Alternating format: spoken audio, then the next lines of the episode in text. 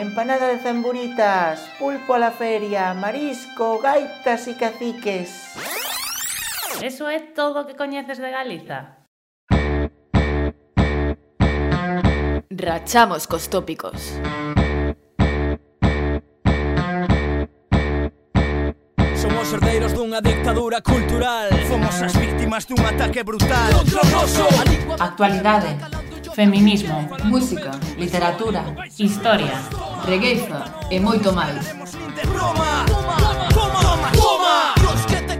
Benvidas a Ireki Gaiola, o espazo galego de Bilbo Iría e Racía. Hijo Sanjenjo Vivero La Guardia Órdenes Buen muerto Puerto sin Puerto son Dime cantos son Son un, dous, Tres catro, cinco, Seiscentos anos de represión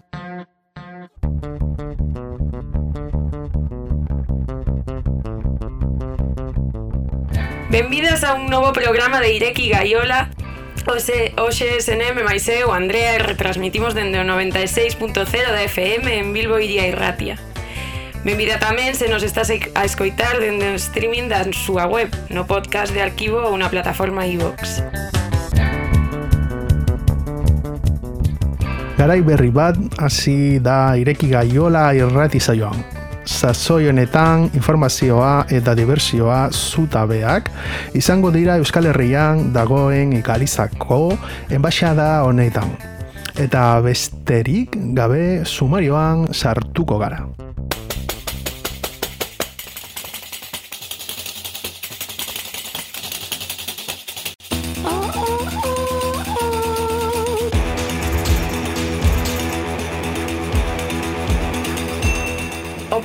desastre ecolóxico do Estado. O quinto desastre máis caro da historia humana. Máis de 3.000 km de costa afectada, máis de 1.000 praias afectadas, máis de 66.000 toneladas de petróleo derramadas ao mar, entre 200 e 300.000 aves mortas. Danos incalculables ao ecosistema mariño, perdas millonarias na pesca. Hoxe, No Ireki Gaiola teremos un programa temático dedicado ao desastre da xestión do afundimento do Prestige.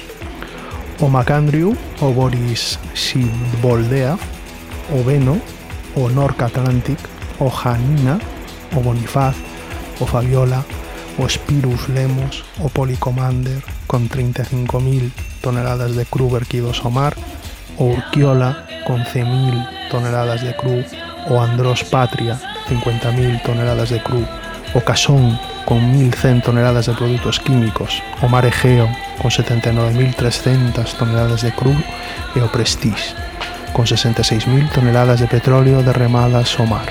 As casualidades non existen, mas si a neglixencia e a incompetencia.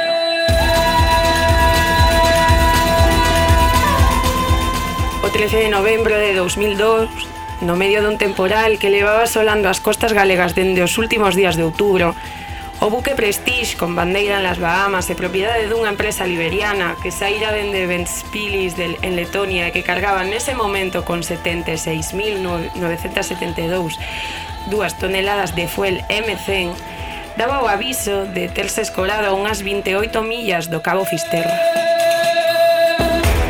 Que o buque se atopaba en mal estado xa se sabía, que navegar fronte ás costas galegas en determinadas condicións climáticas comportaba riscos tamén.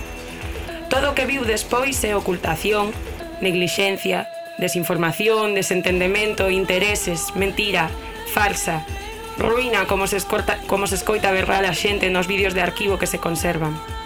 Son moitas as testemunhas que falan do silencio que viña do mar, cuberto de chapapote que contrastaban co de que todo iba, ia ben, que se escoitaba nos medios dende as institucións. Fronte a todo este insulto, Foi un pobo e milleiros de persoas de outros lugares as que saíron a limpar, berrar e exixir responsabilidade, dignidade e coidado dun mar que non só era sustento, senón identidade. Neste programa tentaremos revisar, 20 anos despois, a memoria presente de parte de todos eses colectivos cidadáns que se puxeron en pé dende o primeiro momento e ata o día de hoxe para exixir non só resposta a responsabilidade, senón evitar que catástrofes como a de Antón non voltan a acortecer nunca máis. Falaremos con componentes da Asociación Cultural Unha Gran Burla Negra, ca Asociación para a Defensa Ecolóxica da Galiza, ADEGA, e con, cos, e con su solista, Nado Encorme, mariñeiro, percebeiro, actor e escritor. Abrimos o programa cun tema de Antía Moiño, nada no Milladoiro, pero cunha vida moi ligada á Costa da Morte. Está a escoitar a Lala de Muxía. A pedra fun a balar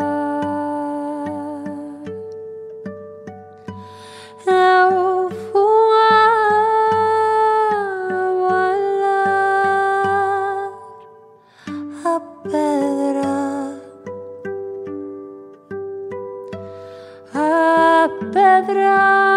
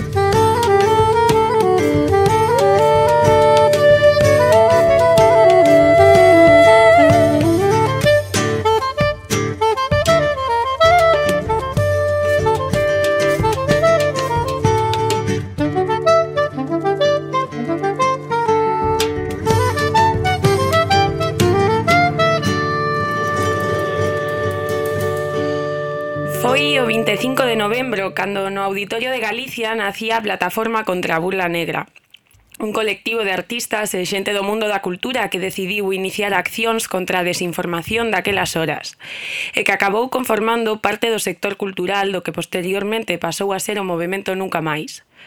15 anos despois, en novembro de 2017, constitúese a asociación Unha Gran Burla Negra, que empregará o mesmo espazo do Auditorio de Galiza a finais do ano seguinte para acoller o seu primeiro acto público.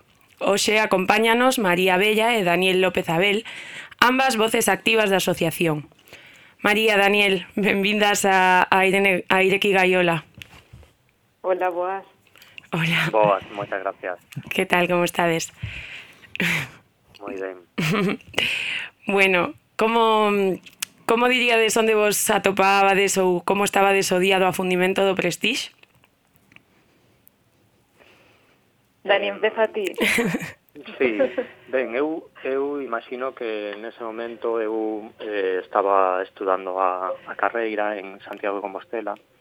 Eh, vivía nunha residencia universitaria eh, con bastante xente e o que lembro eh, nos primeiros días e, e deses momentos é a, a movilización de todo o estudantado, non? A toda a Universidade sí. viña ademais de ciclos de movilización contra a LOU, non? Contra a Lei Orgánica de Universidades e especialmente no que era a, a residencia universitaria onde eu vivía, que ademais eu me encargaba de organizar actividades bueno, relacionadas coa música, arte e tal, eh, houve moito movimento porque ali se aloxaban moitos voluntarios e voluntarias chegadas de todas partes do, do mundo, non? porque a universidade foi bastante eh, receptora de como coordinadora de moitos grupos que logo iban a, a limpar as, as praias. Non? Entón, imagino que eh, os primeiros días do, do ao estaría eh, sorprendido e, e asustado polas, polas noticias, non? a prensa pero inmediatamente despois foi esa é a, a imaxe que teño, no? de moita xente, moita bulir e moita actividade na, na residencia universitaria. Uh -huh.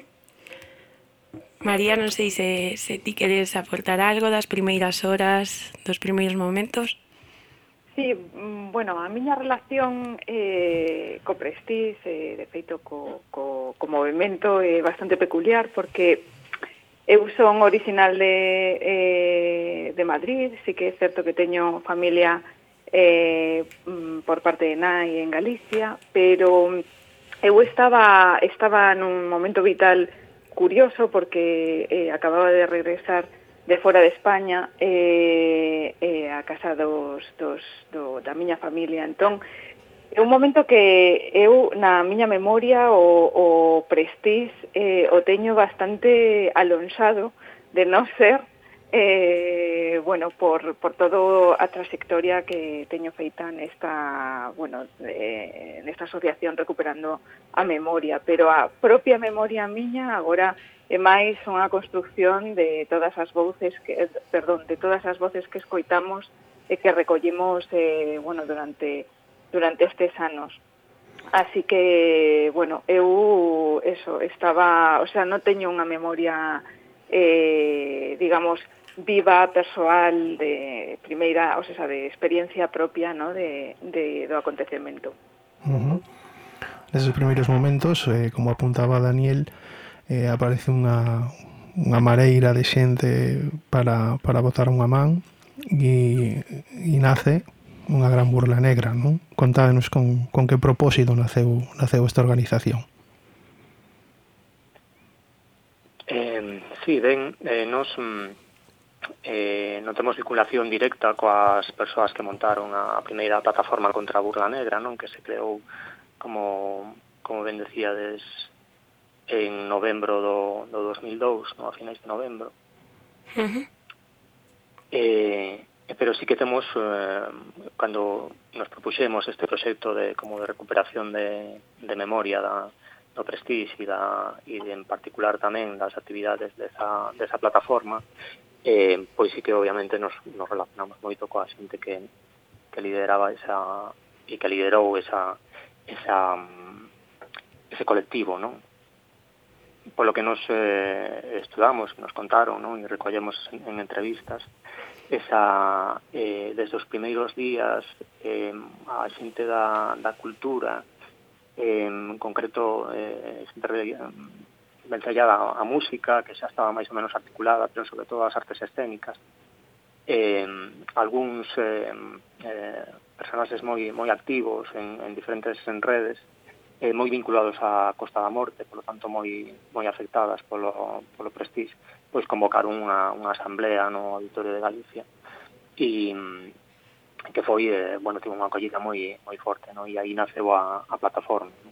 E inmediatamente despois eles decidiron eh, eh, pecharse na Casa da Cultura da, da Cultura de, de Laxe, un pouco na, na Costa da Morte, e aí eh, estiveron unha semana e pico, máis unha semana, e argallando cousas, e, e de aí naceron as as eh, moitas das accións que logo levaron a cabo nas manifestacións e, e, e naceu o, o grupo, non? Sí, así como, bueno, como eh, eh, ampliando información, ¿no? Da, eh, do que comentaba Dani, eh, tamén os sea, hai eh, xente que fora mm, parte do, do, do movimento de Burla Negra que, que se ven ao principio, quizás non, non necesariamente estivo nesas, nesas primeiras eh, convocatorias, pero foi eh, sumándose, ¿no? O sea, esa, o, Burla Negra tivo un percorrido e, eh, eh, eh, bueno, eh, cando nas entrevistas que fomos facendo no, a uh -huh. distintas personas es que, que estiveron bastante vinculadas, escoitas en moitos casos como unha sea, como hai xente que esti, estaba dispersa por distintas partes do territorio, unha especie como de primeiro así sorpresa do que estaba a acontecer e logo pois todo unha especie como de calentamento de, de, de mm, que iba parello a reacción do goberno, ¿no? E, entón foi como unha especie de, de proceso de, de, de, de emerxencia eh, que foi medrando, ¿no? E, eh, eh, e bueno, e logo pasaron por Burla Negra, pois... Eh, cantidades de, de xente, ¿no? Uh -huh. Sí, cuáles cuáles diríades que de, que foron as, as claves do éxito da mobilización popular, bueno, éxito por dicilo de algún xeito, eh, e da colectivización alrededor de de grupos como unha gran bula negra ou nunca máis, eh, de forma de que para que para que vos hoxe, a día de hoxe, poidades levar a cabo este proxecto non de, de xeración de memoria e xeración de, de arquivo? Bueno, eu penso que unha das, das claves eh, bueno, a principal motivación é que a eh, unha das dos activadores, non? É a, é a carraxe, digamos, a raiva, non? Porque está eh, de feito o propio lema de nunca máis é unha eh, salta por acumulación ¿no? de moitas eh, desastres anteriores e conciencia de, de, de, de, de desleixo ¿no? absoluto e de falta de cuidado da, de todo o que tiña que ver co territorio e co, e co mar, ¿no? Eh, pero tamén como unha reacción de decir, bueno, hasta aquí, non, sea, xa basta, xa non, non máis, non nunca máis. Eh, Entón, estas, eh, este é un dos, dos activadores. Non Había unha mm. carga eh, social moi forte a, eh, que se iba cargando, mm, se foi cargando anos, anos anteriores, e que nese momento pois desborda, reventa, e eso eh, produce unha, unha reacción mm, moi multitudinaria, moi popular, moi, moi colectiva, non? moi de multitude. Entón, o que fan eh, as artistas, non a xente da, da cultura é un pouco eh, captar iso desde o primeiro momento e dicir, vale, pois temos que, que ser unha, unha voz máis e unirnos a esa raiva e, e darlle, intentar darlle eh, un vehículo tamén creativo, No? Entón, eh, unha das claves é que había unha enerxía moi forte que nun primeiro momento era de, de raiva e de y de rexeitamento absoluto a todas as a, a como se estaba manexando o accidente e a catástrofe e as, e as mareas negras, non? Eso era moi moi evidente e os, as artistas o que fixeron é mm, vehicular esa, esa carga emocional moi forte e esa enerxía e convertela en, en manifestacións creativas e populares. Entón, esas son as claves, non? que o elemento que disparou a mobilización era realmente moi moi enérxico. E outra, eu creo que era tamén eh, o que comentaba antes, non que había eh, xa moitas redes incipientes de mm, asociacións, grupos, colectivos que viñan eh, espazos non que viñan funcionando desde finais dos 90, que xa tiñan unha eh, certa tradición como de autoxestionarse as súas eh, os seus mm, o seu facer e os seus poderes, non? Que iban tomando conciencia de que tiñan eh, relevancia social que iban facendo xa crítica eh, desde facía tempo entón aí eh, eh, puxeronse a funcionar e, e por iso tiveron eh, foron tan efectivos, non? Porque eran uh -huh. eh, necesarios e ademais eh, xa viñan estando articulados e a partir de aí tiveron un motivo moi importante para, para dar sentido a, ao seu traballo, non? Ser útiles para unha causa. Uh -huh. E iso foi unha das claves, penso eu. Todo, toda esa bagaxe está del agora traballando non? en unha serie de proxectos como Arquivo Vivo o Glosario Nunca Máis. Eh, dentro dese eh, traballo que está desfacendo de, memoria, de, de recoller a memoria comunal, eh, que nos podedes contar de, estos proxectos? María, por exemplo.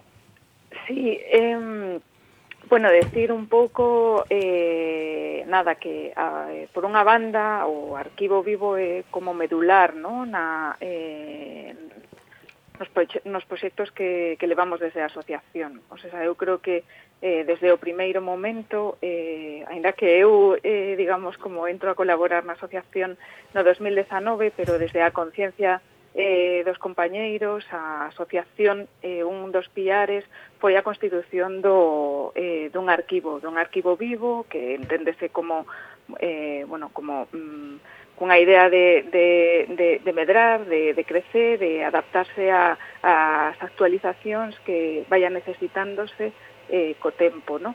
Pero bueno, o, o de arquivo un pouco por, por eh, de feito, eh, guardar esa memoria, eh, eh, custodiar unha serie de, de, de documentos que quedasen arquivados, eh, eh, que quedaran a disposición da cidadanía. Eh, nós aí tomamos unha especie de digamos, de relevo eh, do que algúns deses, eh, digamos, actores eh, eh, que tiveron unha eh, presencia e acción importante eh, no nunca máis eh, en Burla Negra eh, tiveron a forza eh, de articular que foi neste caso eh, a editorial difusora, ¿no? digamos uh -huh. que eh, nos eh, collemos un pouco o, o relevo o, o tiramos do fío que eh, xa no seu momento eh, comezou difusora, ¿no? eh, difusora de letras, eh, que durante ese tempo, uh -huh. o tempo, o, o tempo do 2002-2003 eh, bueno, pues estiveron recollendo e documentando todo o que estaba a acontecer. A partir de aí, eh, bueno, eh, a nosa labor de algún xeito é eh, dar continuidade a estes materiales, facer medrar a topar outros, eh, buscar dentro da sociedade e da ciudadanía eh, materiais que podan ser importantes para seguir arquivando e poñer a disposición e logo pois eh, atopar xeitos de que esta memoria de fai 20 años, anos sexa transmitida a outras xeracións, que non se esqueza e a vez pois que sexa de algún, de algún xeito eh, que vaya actualizándose, ¿no? E seguir preguntando que significa isto para a historia de Galiza e para, bueno, a historia da, da nosa cidadanía, ¿no? Como territorio uh -huh. de feito que sempre está históricamente en loita por justamente pues eh, un Eh, eh, un, extract, un extractivismo continuado sí. ¿no? A, ao territorio. E logo o movimento Nunca Máis eh, e Burla Negra, este movimento cidadán o que o que o que digamos demostra é a potencia eh, xa non só creativa, senón colectiva dun pobo organizado, autosestionado, eh, que se xunta eh, para defenderse, ¿no? eh, para pedir dignidade. Entón, bueno, sempre este eco desa colectividade e comunidade é algo que nos intentamos de algún xeito interpelar e seguir eh, articulando, ¿no? Por eso, uh -huh. pois, eh, tamén outro dos proxectos que nomeaste, ¿no? o do glosario, eh, e o glosario colectivo é eh, eh, un, un intento de, de volver, digamos, a, a recuperar o, a lingua eh, que necesitouse falar nun momento eh, bueno, pois de emerxencia no? e de urxencia. Uh -huh. Eh, é un proxecto pois eh, eh, construído de xeito colectivo, no? pois como, como propio movimento. No? Entón, bueno, sempre hai estes, estes eh, guiños a, a seguir articulando e eh, facendo pois honor e celebración a esas formas que, que foron tan potentes. Uh -huh. Sí, entre, entre as últimas exposicións ou traballos de, de recolla artística que estades levando a cabo nos últimos momentos, se non, se non me equivoco, está, atópase o, o Jaiteiro Petroleiro, se non me equivoco, que se pode visitar no Museo Reina Sofía dende o pasado novembro ata febreiro, se non me equivoco tamén. Eh, se nos podedes falar un pouquiño deste proxecto, porfa? Eh, sí, sí, estades, estades, eh, estades a información correcta, eh, sí, máis ou menos. Non nos traducamos. O Jaiteiro Petroleiro é un sí. deses proxectos que que tamén levamos dándolle voltas mm, xa varios anos e que, mm, que son deses mm, un pouco de xeito similar ao, ao glosario, non? Que toda esta, todo este arquivo vivo, toda esta memoria, antes eh, mencionaba David, de memoria comunal, non? Está, está moi ben moi ben descrito con ese concepto e to, eh, pero todas estas eh, memorias como de amalgamas complexas eh, necesitan como formatos non para ir saindo non? E, sí. e un dos formatos que artellamos é unha, un xogo de cartas e isto é o Jaitelo Petroleiro en realidade é como unha homenaxe tamén eh, a, a unha baralla a baralla do Prestige que foi unha, unha baralla típica a baralla española non? Eh, a, eh, ouros, copas, eh, pastos e eh, tal, que, mm, que a xente de, de Burla Negra, eh, algún, algún artista, pois modificou e alterou e cada lle iba cambiando as, aos deseños eh, tradicionais iba metendo as caras pois de Rajoy, de Cascos, de, de Aznar, de Bush, das protagonistas daquela catástrofe e daquela historia. E, eh, e esa baralla que, que editaron, non? Eh, esa baralla española vendeuse e, bueno, e, e xogábase, non? Esa, e xogábase nas, antes das manifestacións, nas asambleas, nas preparacións, cando había, bueno, diferentes actividades, tamén se sacaba esa baralla para xogar, non? Entón, esa, esa idea de que tamén na, na movilización, na activación política da, da protesta e na, eh, incluso cunha causa tan xustificada e tan negra, non, tan oscura e tan catastrófica como foron as mareas negras, uh -huh. pois que se que tamén estivera o xogo aí presente era importante, igual que estivo o humor, non? Uh -huh. O colectivo Chapapote e outros eh, colectivos de artistas gráficos pois eh, tiveron tamén unha presencia moi moi importante, non? E fixeron un montón de de, de produción, non? Crearon moitísimas imaxes que se converteron en nas imaxes da, da loita, non? Entón, nos quixemos co Jaitero Petroleiro facer unha especie de homenaxe a, a aquela baralla e crear un xogo de cartas ilustrado, pero tamén ilustrado de maneira colectiva. Eh, igual que o, o glosario, pois é unha unha mm, eh, non é unha, un elemento creado por, por un equipo de persoas, senón son, un, son moitas persoas as que puxeron as súas voces para decir que eran que significaban as palabras. No, pois no, no Jaitero Petroleiro tamén a, cada unha das 125 cartas está ilustrada por unha persoa diferente, bueno, unhas que se mm. repiten, pero hai máis de 100 artistas eh, que que crean unha imaxe que, bueno, que son diferentes tipos, non? algunhas teñen que ver coa, co universo nunca máis, pero o xogo eh, vai tamén aos, a mitoloxía galega, a cultura popular, a, a elementos eh, patrimoniais, ten, ten moitas capas, non? Uh -huh. E este este esta excusa, non? este xogo o Jaipero Petroleiro é o elemento principal da exposición que hai agora na, no Reina Sofía no espazo de, de encima da biblioteca ten unha sala de exposicións pequeniña sí. eh, que se titula As cartas eh, sobre a mesa non? e toma como excusa tamén o que é os xogos de cartas as barallas como eh, elemento de, de protesta política, non? elemento político.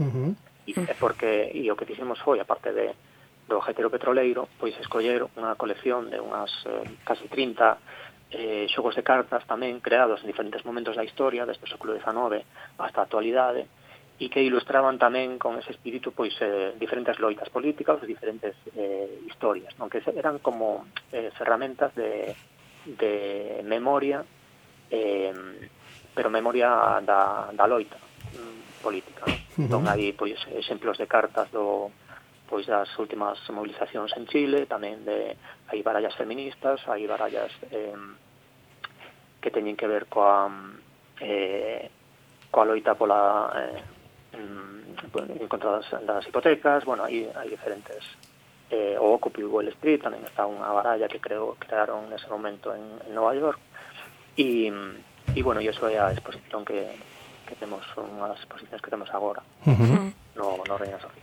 Pois pues convidamos a, a todos os ouvintes a, a que se poidan pasar polo, pola Reina Sofía a, a ver esta exposición. E, eh, eh, bueno, Eh, quedanos pouquiño tempo, un, pero... Uns minutos para, para sí. rematar a entrevista. Gustaríamos, gustaríanos non deixar de preguntarlle a María, por exemplo, eh, polo teu labor de comisionado na exposición colectiva que que está desfacendo de tapices na memoria, nunca máis, chapapote patriarcal que se pode ver actualmente na Facultade de Socioloxía da Universidade da Coruña e tamén na Casa do Arco en Fisterra. Gostaríanos afondar un pouquiño máis sobre como se instrumentalizou a loita das mulleres naquel momento e ao movimento feminista, pero bueno, temos pouquiño tempo, pero María, porfa, adiante. Eh, sí, a ver, eh, bueno, resumir, esta é unha, unha proposta que intenta eh, poner o foco eh, na mobilización da Marcha Mundial das Mulleres que acontece dentro de un, mon, de un montón de mobilizacións que hai eh, naquela tempada, eh, pero, bueno, neste caso, eh, para apoyar as mulleres que estaban eh, bueno, a, a sufrir eh, a crise do momento eh, concretamente en Costa da Morte. Eh, entón, mm, o interesante eh, é eh, unha recuperación desta, eh, desta marcha que é unha marcha eh, tremendamente importante en Costa da Morte porque é mm, chea con máis de 3.000 persoas eh, o territorio, o sea, o territorio, un pobo, un pobo de, de, de menos de entidade de xente que, que acudiu ali, entón é un, un digamos como un movimento mm, de apoio que probablemente non volviu a verse eh, con esta magnitude en, en, en Costa da Morte, no? É un, un movimento de sororidade moi potente, no? Eh, eh, fai 20 anos, no? no que igual eh, todas estas marchas eh, do feminismo non estábamos acostumadas, non?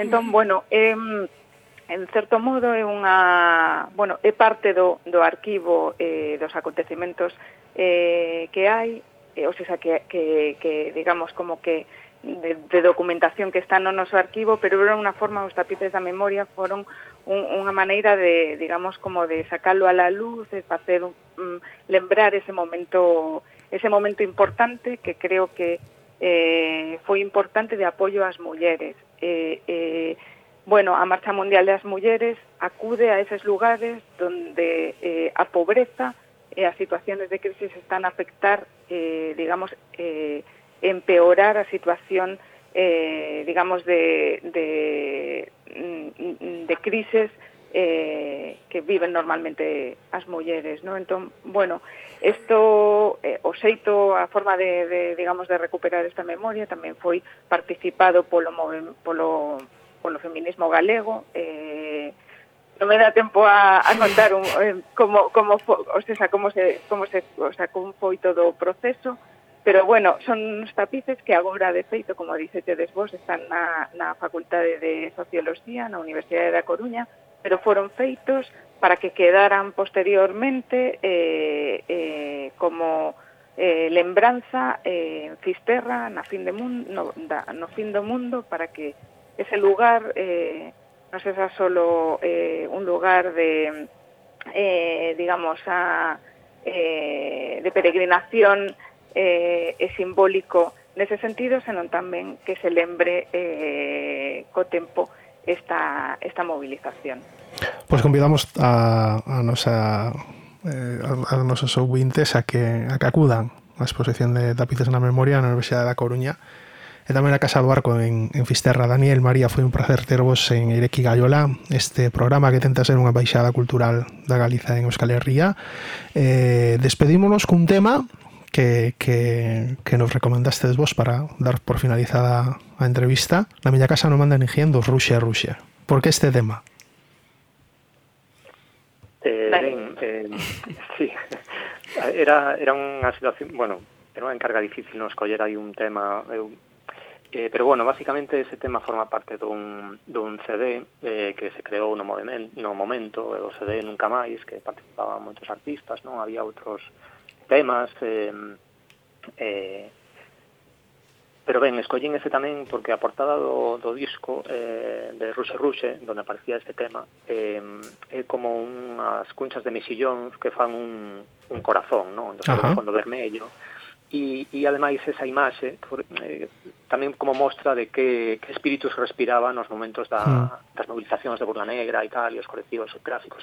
Uh -huh. Porque ese mismo, esa mesma imaxe foi intervida polo colectivo Vaca, que era tamén os artistas gráficos, uh -huh. eh, que chamaban de bueno, fixeron como mexillóns de cebra, non? Era, puxeronlle como zonas de negras nas cunchas do mexillón, entonces era a imaxe dos mexillóns cebra, non? Entón, ese, uh -huh ese tipo de xogos que se facía incluso entre eran internos, non? Entre a xente da cultura, el, me tome contigo, me tome tal, era, era sí. moi moi moi tamén eh, foi tamén moi moi característico desa época en que había eh, empezaba a circular eh, internet, non? Empezaban a, a eran os primeiros memes que facían circular estes, estes artistas eh, a través de internet que se movían por correo electrónico pero había moita moita retranca, moita sorna e moita risa tamén de os mesmos, non? E aparte o tema, bueno, pues, se era tamén un dos grupos que metidos nesa mm, movimento musical desde finais dos 90, eh, me podría estar tamén Souto, bueno, había un montón, pero uh eh, -huh. que eran moi activos, que lle deron un, un impulso, era unha desas razóns, non? A, a música estaba moi, moi, eh, con moita potencia, había unha escena musical en diferentes zonas de Galicia moi, moi importante, en, en moitos estilos, e, a, ah, que se quitaban, bueno, certas eh, complexos anteriores e, e bueno, Rusia e Rusia era un, un exemplo máis, non? E pois, pues, eran implicados, eran implicados uh -huh. Pois, pois pues, que pois pues, está claro, está claro porque ten que sonar Rusia Rusia. Eh, claro. Daniel, María, un placer. Eh, sabedes que tendes os, os micros abertos de que Gallola para, para que queirades. Moitísimas gracias, eh, Yesker. Moitísimas gracias a vos. Obrigadiña. Uh, Moitas gracias. Moitas gracias.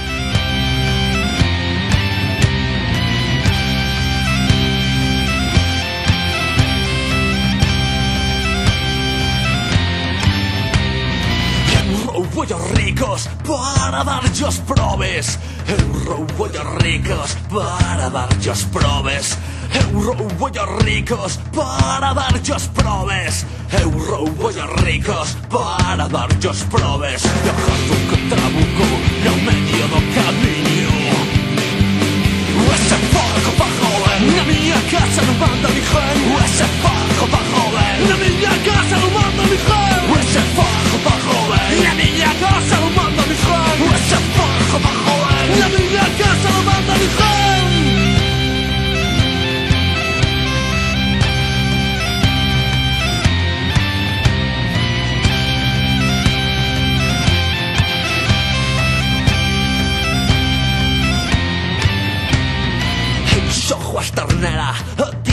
de defuntos. Eu sóc Juas Tornela, o dia de defuntos. Eu sóc Juas Tornela, o dia de defuntos. Eu sóc Juas Tornela, o dia de defuntos. Murmuran más bellas a porta de iglesia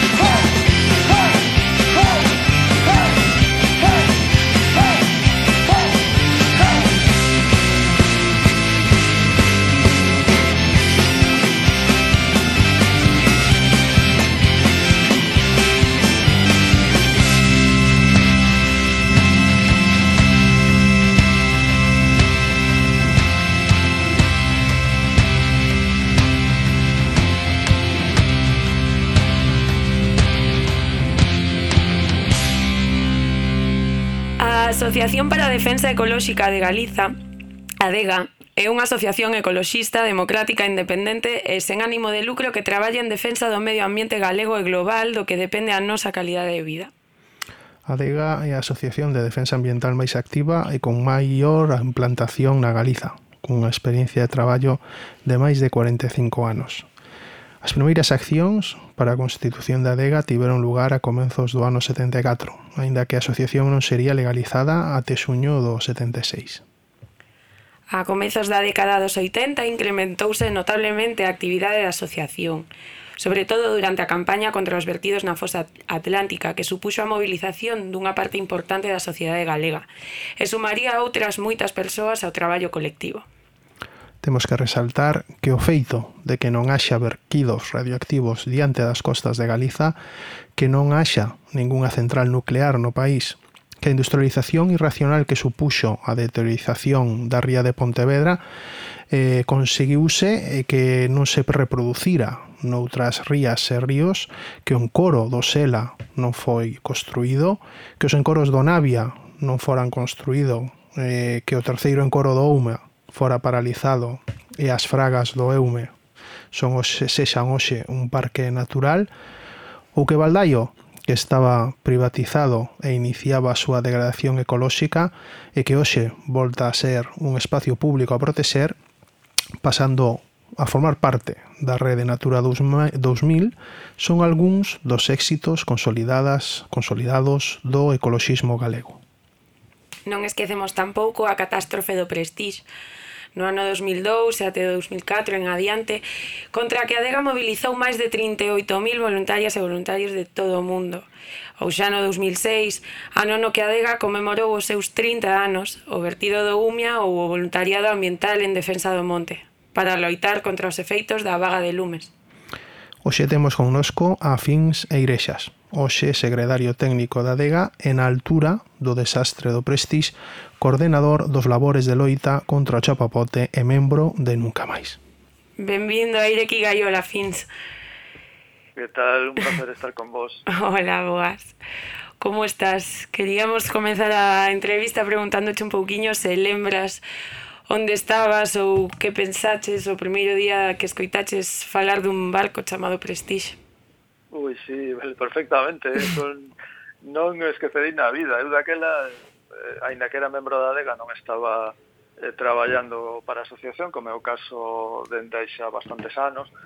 Eh, estaba eh, participando en un proxecto de, de investigación eh, no, eh, no Consello da Cultura Galega, cunha bolsa da USC, eh, precisamente para avaliar eh, como se trataba a información científica nos medios de comunicación. Uh -huh. E polo medio chegou o Prestige, non? Entón a miña directora, que era, bueno, ni máis ni menos que a profesora Malirar eh, Jiménez Alexandre, sí. recente Premio Nacional de Narrativa, eh, pois eh, díxenos deixa de todo e centrémonos exclusivamente no Prestige. Bueno, logo, pois a miña implicación eh, e o meu activismo ecologista pois, levoume a participar directamente pois, na coordinación do voluntariado primeiro e na avaliación dos afectos da Marea Negra despois, eh, representei a Dega na plataforma Nunca Máis, estivemos en Europa, en fin, e todo o que xa é historia, uh -huh. pero sí, perfectamente lembro eh, ese, ese fatídico día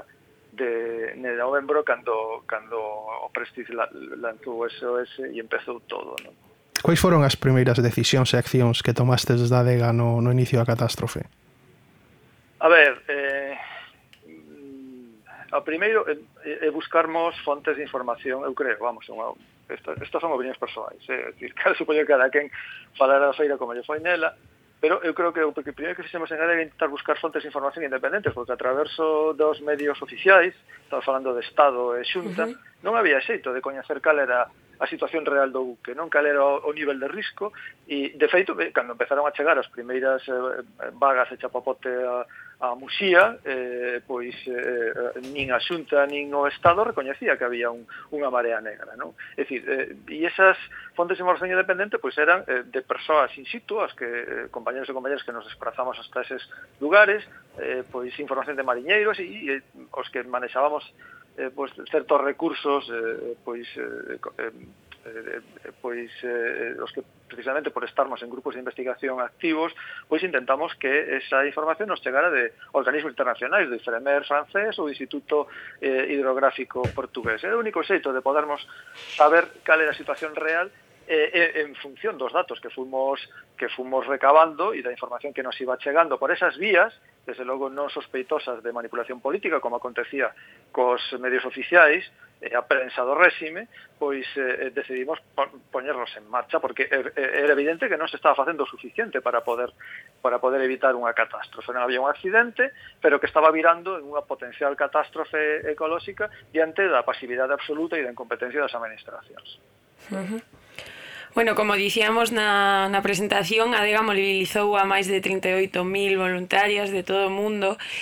E, bueno, di Adela Figueroa, tamén membra da asociación, que a emoción que nos move na Galiza foi crucial para desencadear a resposta cidadá. Dende o movimento ecologista esperaba dese ese nivel de mobilización. Creer, a, que, a, que o, a que crees que se debeu?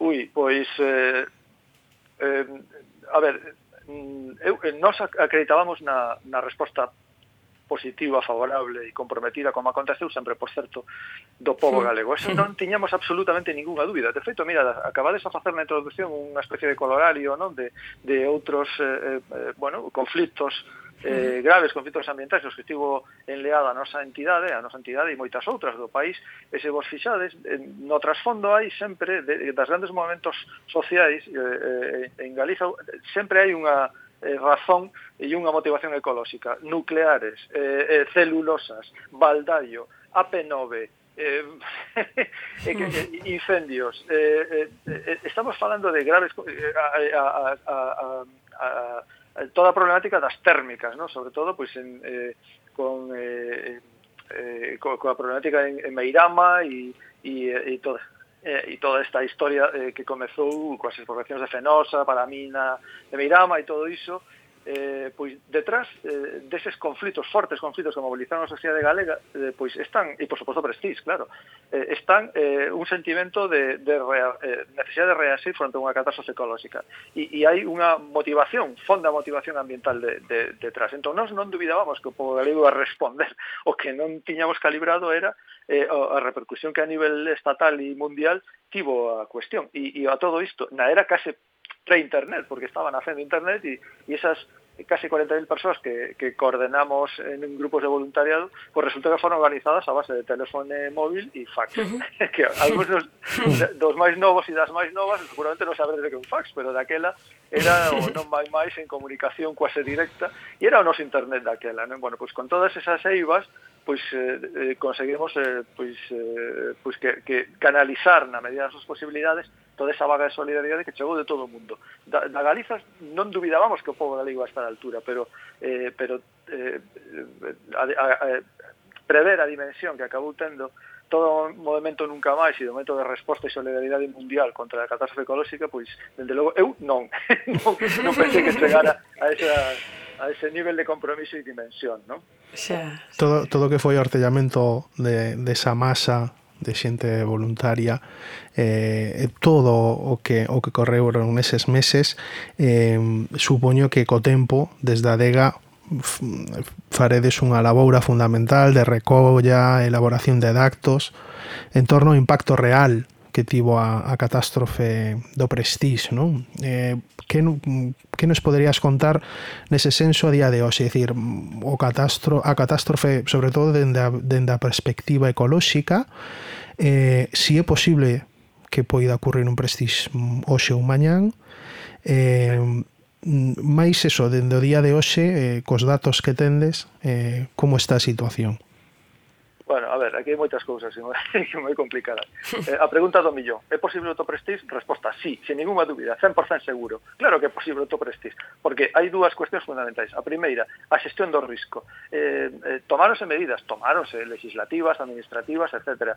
Eh, son suficientes para, eh, para poder atender a dimensión do risco que eh, supón que todos eh, os anos pasen diante das nosas costas 14.000 buques eh, con mercaderías perigosas? Non, non é suficiente. E, polo tanto, cando non se xestiona suficientemente un risco, eh, eh, pois eh, vai acontecer uh, máis tarde ou máis cedo. Esperemos que sexa tarde, pero acabará acabará acontecendo. E despois, eh, eh, eh as modificacións legislativas, por exemplo, eh, que, que, que os houbo, o paquete Erika 1 e Erika 2, eh, que, que se aceleraron non para evitar, por exemplo, a circulación de buques monocasco e a, eh, e a transporte de petróleo con destino a buques da Unión Europea en ese tipo de barcos, pois eh, pois eh, eh tivo o seu efecto, evidentemente, na unha mellora da seguranza marítima, pero non foi suficiente. E, sobre todo, as medidas administrativas e de coordenación, pois, eh, como digo, non están á altura da, do que podría ser un, un posible novo nova catástrofe, do, do risco que supón. E, e aos datos me, me, me me remito, por exemplo, eh, a, a, a directiva de 2009 sobre a evaluación de riscos no transporte marítimo de, de mercadorías establecía a obrigatoriedade de fixar porto refugio.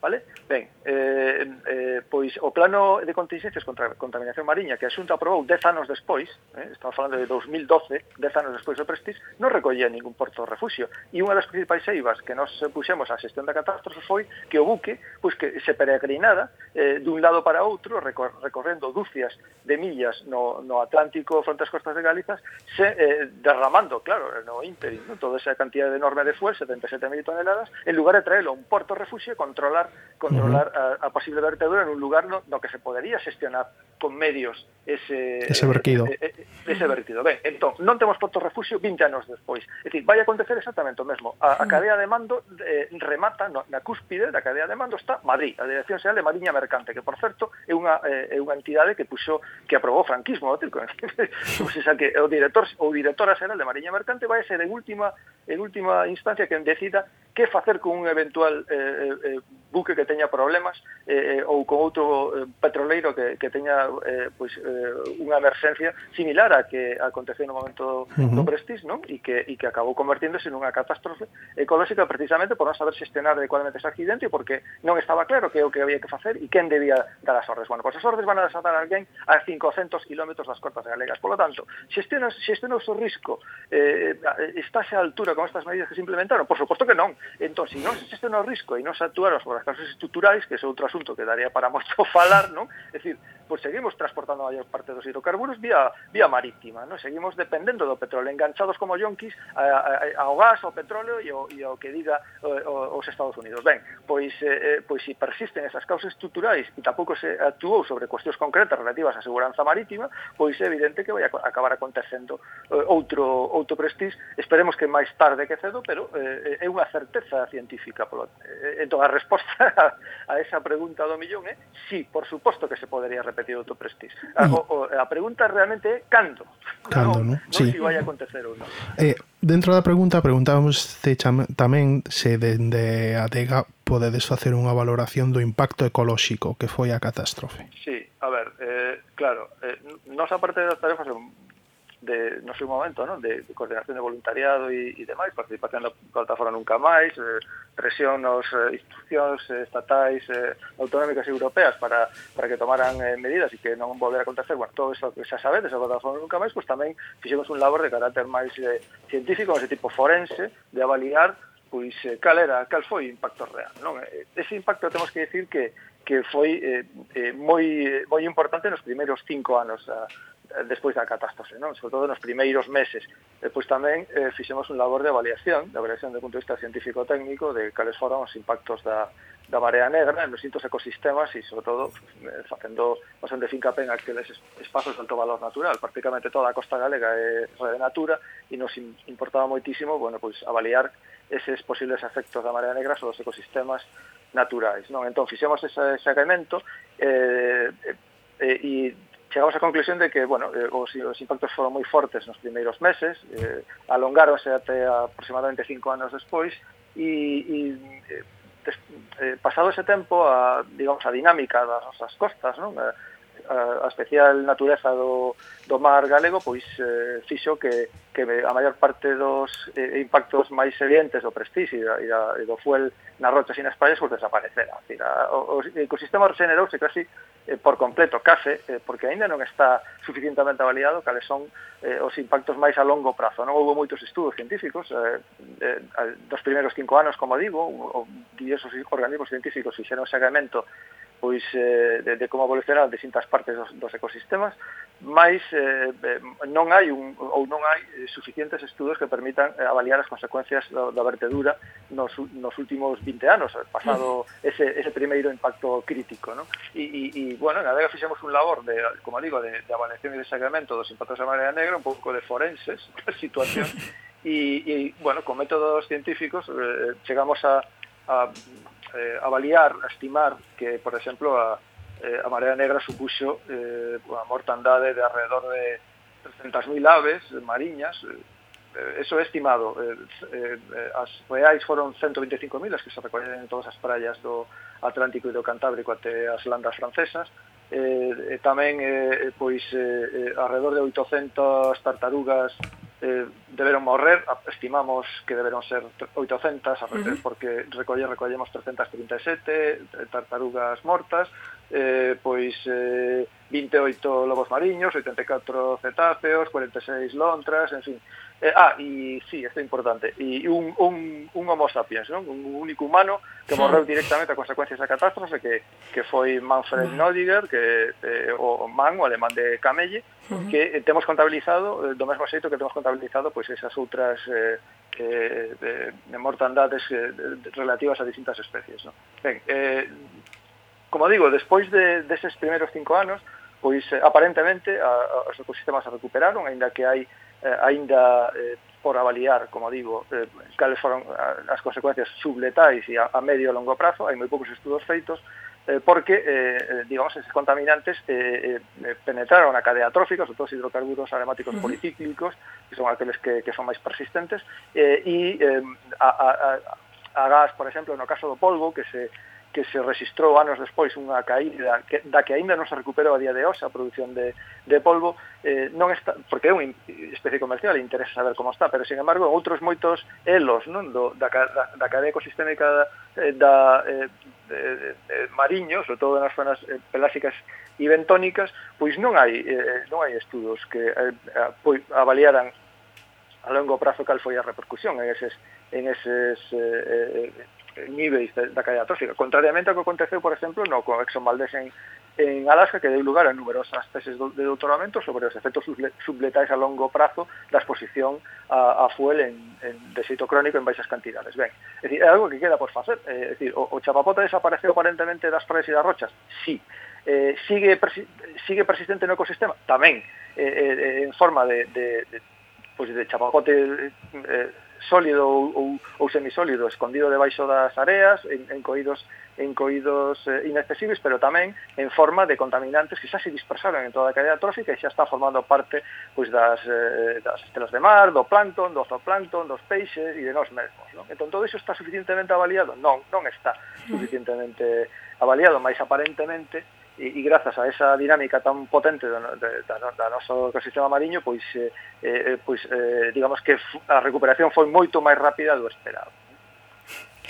Bueno, pois, pois moitas gracias, Fins, por, por terte chegado a nosa casa e dedicarnos este tempo a falar do noso colectivo remátase noso tempo. Eh, gustaríanos facerche un montón máis de preguntas porque a verdade é que é super interesante todo o que nos estás contando pero lamentablemente temos que despedirnos e, e mandarche unha aperta moi forte a ti, a todas as túas compas e, e nada. Moi ben. Nada, un mandamos un bico veña, tal logo, fins. Chao. despedimos o convidado co, co tema musical Lobeira. De Bayuca. Recentemente estivo pola vila de Bilbao e podemos desfrutar do seu concerto no Anchoqui, un concerto a memorar.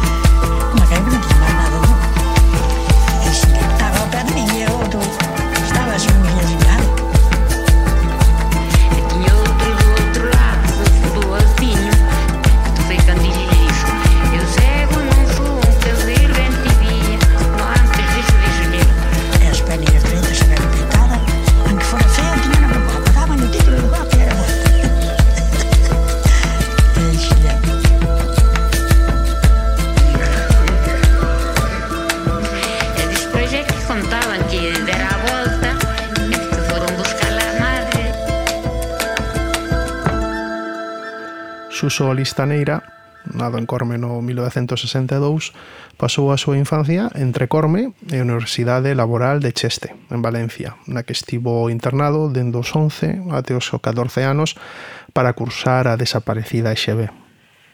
Con 16 anos embarcou como mariño mercante percorreu toda Europa e o norte de África. Aos 25 anos deixou a maleta de navegante atlántico para se instalar definitivamente en Corme e traballar como percebeiro. Desde aquela, alterna esta profesión coa de actor, guionista, director radiofónico e docente teatral. Participou en series de televisión como Mareas Vivas, Padre Casares, El Libro de Familia ou películas como Celda 211. Desde 2009 exerce de actor e guionista da serie de cortometraxes Para Mariñeiros Nos. Do ano 2005 a 2011 mergullouse no mundo dos blogs con su solista Espacio Emocional e literario dun percebeiro do Roncudo. En Radio Roncudo dirixiu o programa cultural O Envijo da Fin do Mundo. No ano 2013 gañou o Premio da Audiencia do sétimo Premio de Teatro Radiofónico do Diario Cultural da Radio Galega, coa obra O Demo Nunca Dorme. Benvido a Ireki Gallola, Suso. Hola, boas noites a todos. Encantado. Bueno, xa, xa case vai o programa poñendo o currículo. Suso, cando te enteras que había un petroleiro chamado Prestige amenazando a costa? Pois bueno, nós eh, enterámonos casi ao momento porque estábamos vendo desde Corme, cando empezou a votar estaba justamente diante de, da ría de Corme, víase perfectamente desde o muelle, e, e foi cando empezou xa todo, xa se empezou a comentar que iba para o sur, que depois non iba para ningún lado, que e, sobre todo, empezamos a ver que xa iba chegando petróleo cando as noticias, mm, en teoría, non pasaba nada. Uh -huh. Xa estábamos vendo. Ao momento, ao momento que foi nada máis despertar pola mañán, tiñámoslo diante das, das casas. Xa. Como viviches ti en primeira persoa a desfeita do Prestige? Bueno, a verdad que casi eu creo que casi todos vivimos da mesma maneira, foi casi uh -huh. un shock para todos, non? Uh -huh estábamos acostumbrados a, a ter o tráfico marítimo moi cerquiña daqui, de feito, a Costa da Morte moitas veces sobreviviu a miseria que había gracias aos naufragios que houve, que gracias aos naufragios pues, pois, sempre chegaba madeira, telas, bueno, que transportaron os barcos. Uh -huh. E estábamos un poquinho xa acostumbrados a este, acostumbrados que nunca se acostumbra un, evidentemente, pero xa Mm, eh, vamos, que non era novo e sabíamos que non iba a ser o último tampouco. O que pasa que a magnitude este superou a todos, e sobre todo porque as outras xa casi tiñan memorias máis vellos, pero os que éramos daquela máis novos, uh -huh. tampouco tiñamos moita memoria. Si, sí, sempre chegaba eh, jalipota no, no Bran, pero era debido a que os barcos, claro, vaciaban os bidóns e as sentinas, eh, a, a dúas millas de, de terra e había moita contaminación. Isto superou todo. Isto casi parecía casi non, había zonas eh, de feito que se podía andar, unha vez que se endureciu algo, que se podía andar por riba do mar, por riba do, do, do, uh -huh. do picho, había. Sí, sí.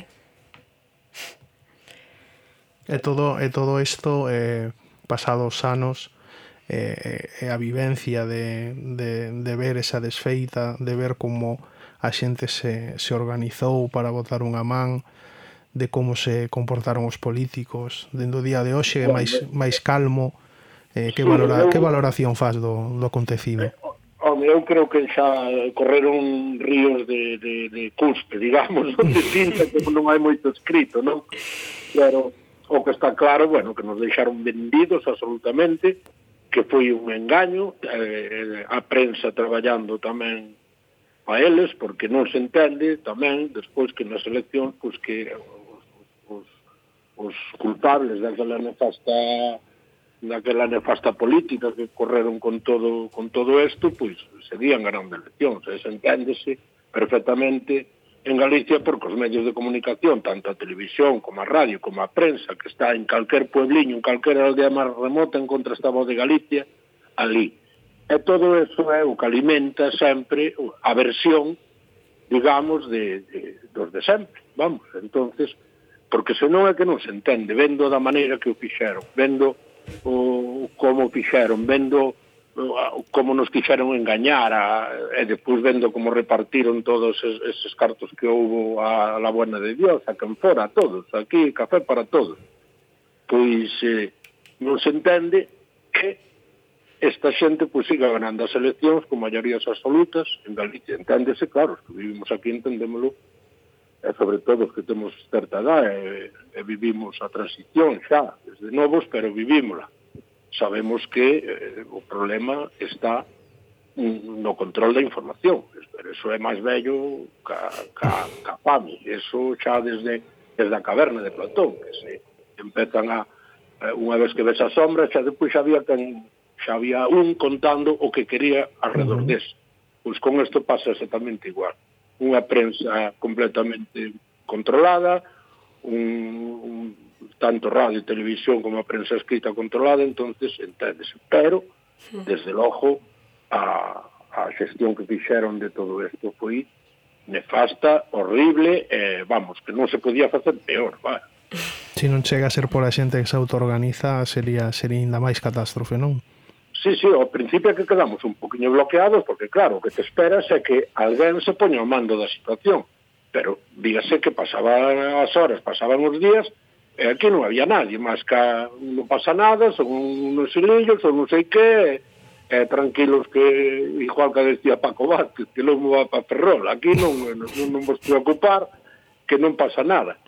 E, e empezou a organizar primeiramente xa os propios sobre todo, primeiro, os, percebeiros, os mariscadores, eh, sobre todo.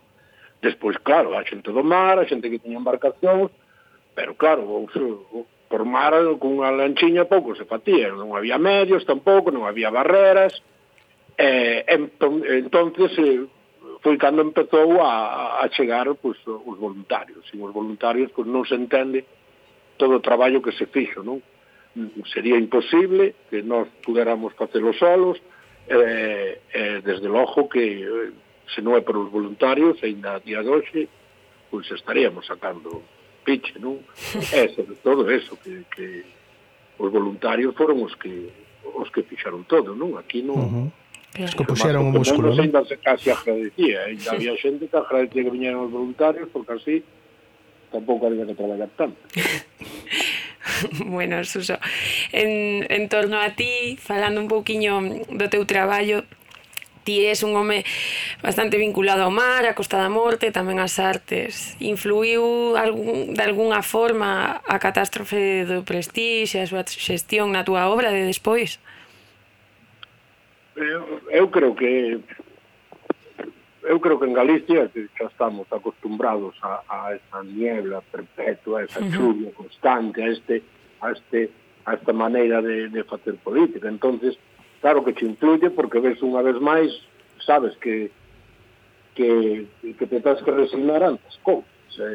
e eh, ti pasa a vida, pasa a vida, intentas luchar, mellorar a, mellorar as cousas, que pos que veñen atrás, deixar un mundo millor, e ves que ao final, pois é o único que ves cando levantas a mirada é eucaliptos e parques eólicos. Pois, cas pensións máis baixas, pagando a luz máis cara e sin, sin, sin futuro, porque aquí de vivir todos os pueblos do mar, como vivían hai 20 anos, todos vivían do mar, directa e indirectamente, uns traballando, outros alrededor, bueno, xa empezou desde os anos 80, cando Felipe González desmantela a mercante, a mercante vai ao tacho, e despois pouco a pouco foron desmantelando tamén a pesca e hasta o final pues, que o que interesa agora é montar parques eólicos tamén no mar, terra xa estamos cheos deles eh, sen recibir nada a cambio e agora interesa o mar de feito o mar desde o prestige non hai máis que ver os datos pode que o peixe vá moito máis caro, pode que os armadores teñan casas máis grandes e piscinas máis grandes, pero os mariñeiros cada vez hai menos. Os pueblos da Costa da Morte xa non teñen mariñeiros. Os mariñeiros hai nos que ir buscar a Indonesia, que aquí non hai quen queira ir ao mar. Non hai quen mm. queira ir ao mar porque para que vas ir ao mar? Para ganar unha miseria.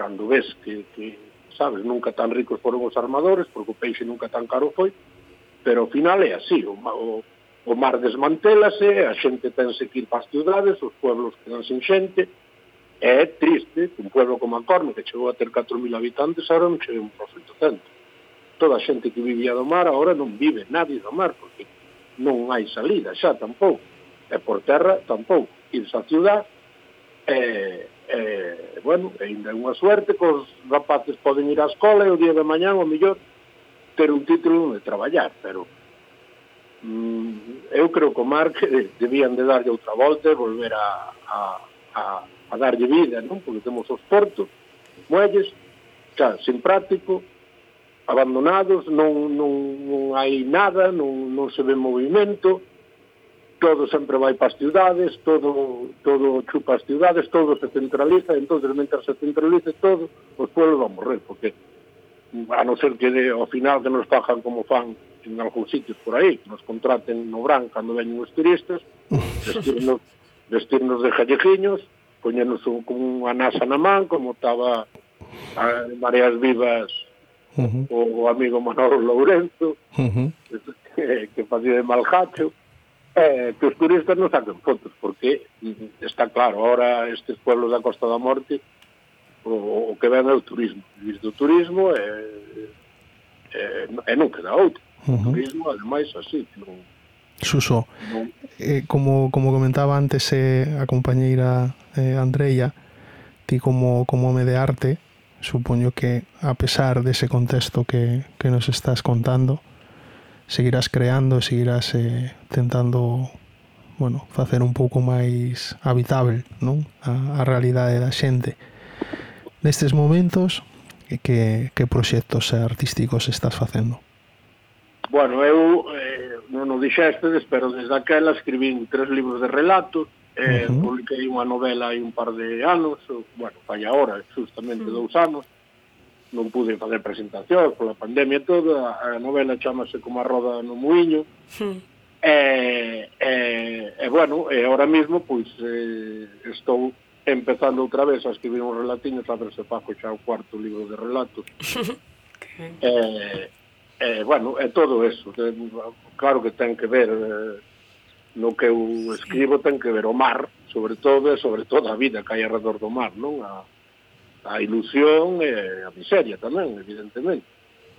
Eh, estou, ahora mesmo estou con eso e, eh, depois temos aquí unha asociación cultural en Corme que chamamos eh, Insua de Vía Escuela estamos tamén poñendo valor a figura dun gran navegante de Corme que, que chegou a jefe de escuadra, Mourelle de la Rúa foi o primeiro en chegar a Alaska nun barquiño moi pequeno de 10 metros de lora solamente nunha goletiña no 1775 despois repetiu viaxe no 1779 e tamén descubriu unhas islas no Pacífico, na Polinesia.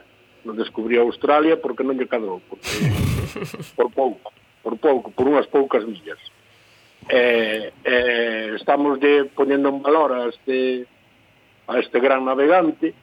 E hai pouco pois, reeditamos a nosa asociación, tuvemos tres anos de moito traballo, e traducimos a biografía ao galego e acabámosla de reeditar que a presentamos este sábado pasado aquí en Corme e eh, con moito gusto se me mandades unha dirección mando, mandamos vos un libro para que flipedes cos diarios de navegación que son espectaculares da, da justo de verdad calquera persona xente de mar teñe que interesou calquera xente que lle guste uh -huh. a aventura, os libros de aventuras, porque uh -huh. os diarios de navegación son pura aventura. E estamos sobre todo con eso. Últimamente estamos promocionando moito a figura de Mourelle, e estamos traballando aquí alrededor do pueblo, pois pues eso, facendo paseos aos petroglifos, paseos históricos por Corme, charlas, conferencias sobre contaminación luminosa, por exemplo, que tamén é predicar no desierto, a pesar de que sabes, é, que, sabes, se predicarmos de desierto porque son os propios encargados, que é un concello que son os encargados de facer pedagogía na xente, de, de decirle a xente, oye, mira, isto é, eh, non é así porque é de outra maneira, sabes, o, o mm. consumo de roche, todo eso, pois, pouquinho a poucos, eu agora dedícome máis que nada aquí ao pueblo, eh, non me quero meter máis en complicacións tampouco, e teño traballo abondo. A verdade que temos traballo abondo, que somos moi pouquiños a traballar, como é o tema este das asociacións, menos nosa deles. Uh -huh. Ao final traballan dous, e ainda os, os demais pagan a cuota, pero con pagar a cuota non é suficiente. Non? Xa. Co cobramos 10 euros ao ano. O sea, Xa. Eh, con eso pouco podemos facer. Moi ben, pois, Suso. Eh, moitísimas gracias, Suso, pola presente, pola, polo ofrecemento e, e por acudir ao chamado de Ireki Gaiola. Agardamos de verdade poder verte por estas terras de Euskal Herria en algún momento. Despídeste co tema musical Ilá vai o mar do álbum A Galicia de Maeloc de Milladoiro. Sí. Por que Pero este mira, tema? vos decir unha cousa, porque sí. Corme aparte ten moita relación co País Vasco. Corme desde o, desde o ah, sí? final do siglo XVIII, XIX, moita con pasalla, sobre todo en Trinquerpa. Aí hai un, sí. un, un apellido que Cousillos que fan unha cena, creo que son xa 300 solamente en, Donor, en, en Guipúzcoa. Uh ah. -huh. E despois, por exemplo, Corme ten dous nenos morreron no, no bombardeo de Guernica, que era uh -huh. Carmen Francisco Tián González, con 9 e 7 anos, tamén no bombardeo de Guernica, os remolcadores de pasajes foron de Facal, que era de Corme, que, por cierto, o fillo tuvo a desgracia que yo matara a ETA tamén, un, un tiro na cabeza, aí, en Pasaya, eh, bueno, que temos moito vínculo co País Vasco, eh, que sí. hai máis xente de Corme vivindo ahora mismo no País Vasco que en Corme. Xa podo, xa podo xa asegurar. Bueno. E moitas gracias por, por eso, por, por, por estender a nosa palabra a Costa da Morte, aí ao, ao País Vasco, que somos irmáns. En Corme, ademais, temos unha calle que chamamos Barrio Gros, e outro que chamamos Trincher, unha calle. Ajá. Pois queda, queda dita esa, esa contribución que, que nos sigue irmanando con entre Galiza e Euskal Herria, Suso. O dito, moitísimas gracias por, por estar con nós neste, neste programa. Eh, e despedimoste co tema que, que lexiches de Milladoiro. Por que este tema? Non sei, sempre me como é moi antigo e recórdame sempre a aquí eu xa oía cando andaba na mercante Uh -huh. e recórdame sempre a, a, a Costa Morte. Non Pois- a Galicia, a Costa pois aquí- aquí te- o mar, o... Uh -huh. Aquí, o- aquí deixamos a, a entrevista con este tema rolados polo, polo mar e pola música de Milladoiro, Suso. Moitas grazas. Moitas gracias. Obrigadiñas, aperta. Chao.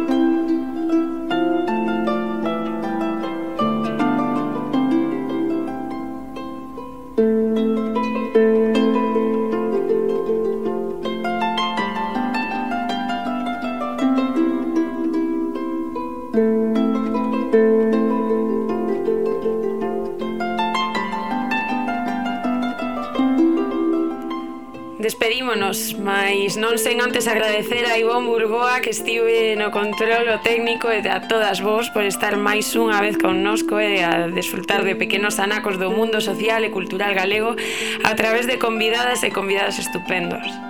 Seguiremos a partillar con vos esta viaxe polo magma radiofónico que xunta os nosos povos nun arrolar de verbas estrenadas. Adeus, Muchos, beixiños, adeus, aguriño.